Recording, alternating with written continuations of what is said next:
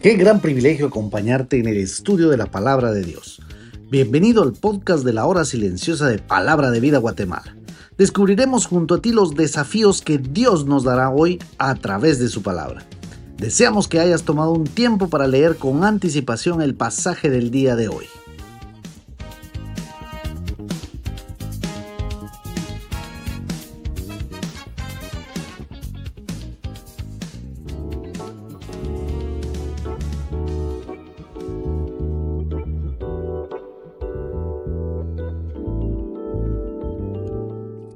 Qué gusto es saludarlos nuevamente en el comentario de la hora silenciosa. Hoy estamos en Lucas capítulo 9, versículos del 12 al 22. Dice así la palabra de Dios. Pero el día comenzaba a declinar y acercándose los doce le dijeron, despide a la gente para que vayan a las aldeas y campos de alrededor y se alojen y encuentren alimentos, porque aquí estamos en lugar desierto. Él les dijo, dadle vosotros de comer. Y dijeron ellos, no tenemos más que cinco panes y dos pescados, a no ser que vayamos nosotros a comprar alimento para toda esta multitud. Y eran como cinco mil hombres. Entonces dijo a sus discípulos, hacerlos sentar en grupos de cincuenta en cincuenta. Así lo hicieron, haciéndolos sentar a todos. Y tomando los cinco panes y los dos pescados, levantando los ojos al cielo, los bendijo y los partió y dio a sus discípulos para que los pusiesen delante de la gente. Y comieron todos y se saciaron y recogieron lo que les sobró, doce cestas de pedazos. Aconteció que mientras Jesús oraba aparte, estaban con él los discípulos y les preguntó diciendo, ¿quién dice la gente que soy yo? Ellos respondieron, unos Juan el Bautista, otros Elías y otros que algún profeta de los antiguos ha resucitado. Y él les dijo, ¿y vosotros quién decís que soy yo? Entonces respondiendo Pedro dijo, el Cristo de Dios.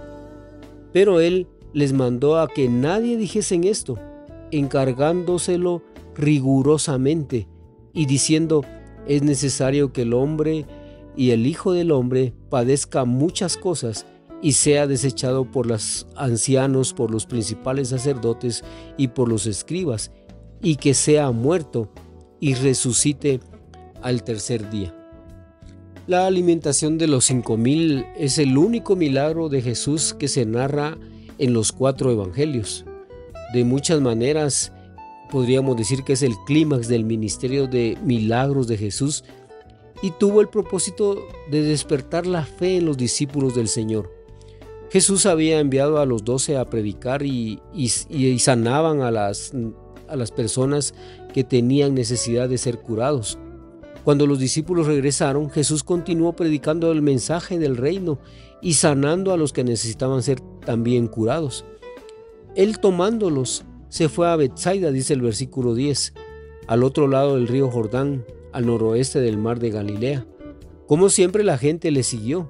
El milagro que sigue mostró que Jesús es el Mesías y que es capaz de proveer a todas las necesidades de su pueblo. Entonces vemos a partir del versículo 12.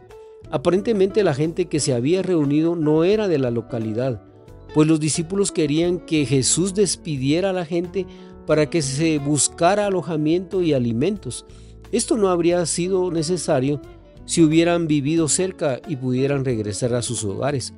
Cuando Jesús dijo a los discípulos, dadles vosotros de comer, ahí en el versículo 13, les quiso mostrar que era humanamente imposible satisfacer a la multitud.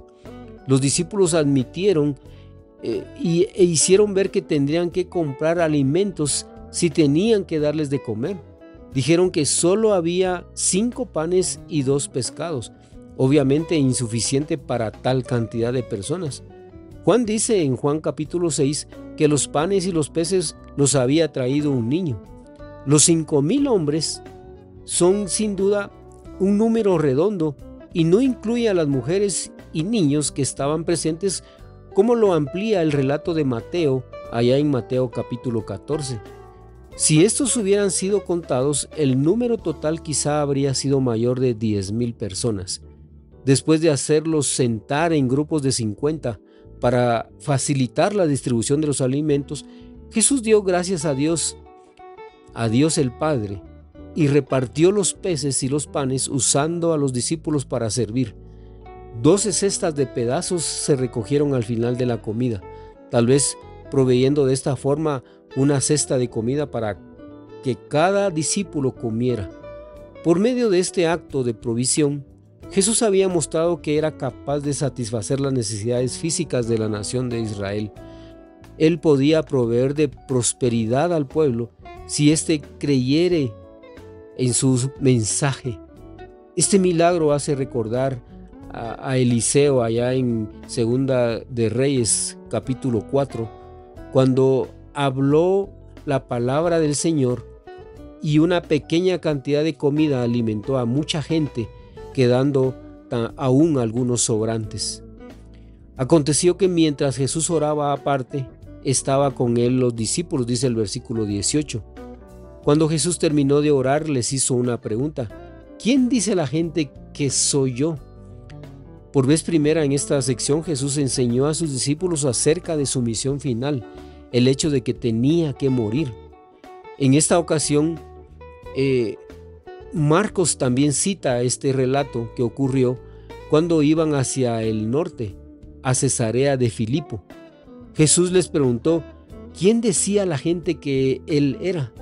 Jesús estaba especialmente interesado en saber quién qué pensaban los discípulos que era quién era él. Eh, Pedro, respondiendo por todo el grupo, afirmó que él era el Cristo de Dios, es decir, el Mesías. Aunque ya había pasado algún tiempo desde el incidente de los panes y los pescados, la implicación de lo que Lucas dice parece indicar que lo que convenció a los discípulos de su identidad como Mesías fue la suficiencia de Jesús en aquella ocasión. El Señor no quería que otros supieran esto. Eh, lo vemos ahí en el versículo 21. Porque no era todavía el tiempo de que públicamente se diera a conocer como Mesías. Después de escuchar lo que la gente pensaba de él, Jesús les dijo lo que realmente había venido a hacer. Que padezca, que sea desechado, sea muerto y resucite al tercer día. La proclamación pública vendría un tiempo más adelante y de eso es de lo que Jesús habló en los versículos 21 y 22 en relación sobre su muerte.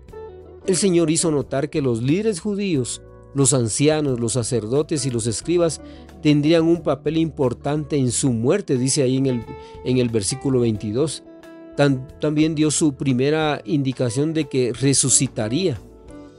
Jesús revela entonces la verdadera naturaleza de su misión. Pedro pudo decir abiertamente y con toda franqueza allá en Hechos capítulo 2, 36, a este Jesús, a quien vosotros crucificasteis, Dios le ha hecho Señor y Cristo. Por eso, vívelo.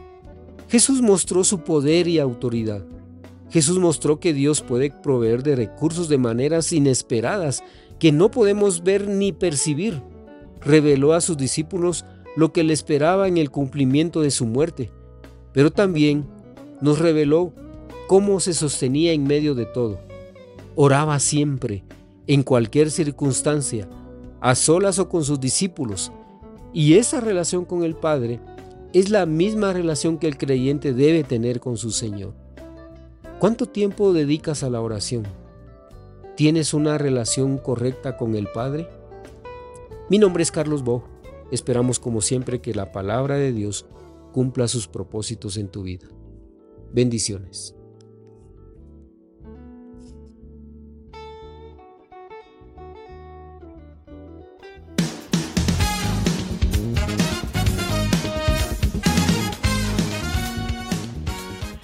Es emocionante saber los tesoros que Dios tiene en su palabra para nosotros. Ayuda a tus amigos a que descubran la voluntad de Dios para su vida. Comparte este podcast con ellos. No olvides seguirnos en nuestras redes sociales.